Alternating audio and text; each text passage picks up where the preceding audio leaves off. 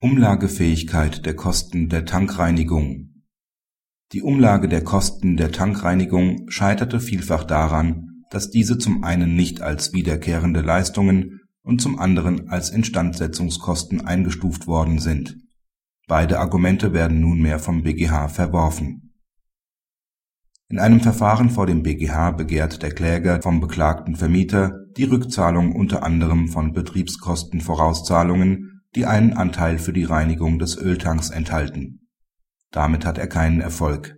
Der Vermieter darf die Kosten der Öltankreinigung als Betriebskosten umlegen. Zu diesen rechnen nach § 2 Nr. 4 Buchstabe a Betriebskostenverordnung auch die Kosten der Reinigung der gesamten Heizungsanlage.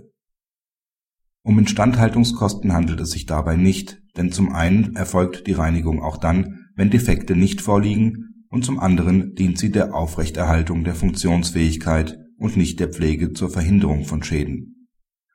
Die Kosten fallen auch laufend an, weil darunter auch längerfristige Intervalle subsumiert werden können. Die Kosten sind in dem Jahr, in dem sie anfallen, voll abzurechnen. Eine Abschreibung über Jahre ist nicht erforderlich.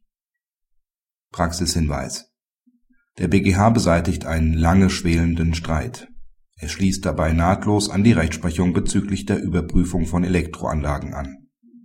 Auch dort wurde betont, dass sich die Regelmäßigkeit nicht allein durch kurze Zeiträume definiert. Wegen der Berücksichtigung in dem Jahr, in dem der Aufwand entstanden ist, kann auf die neue Rechtsprechung des Senats zur Anwendung der Einnahmen-Ausgabenrechnung auch bei der Abrechnung von Betriebskosten verwiesen werden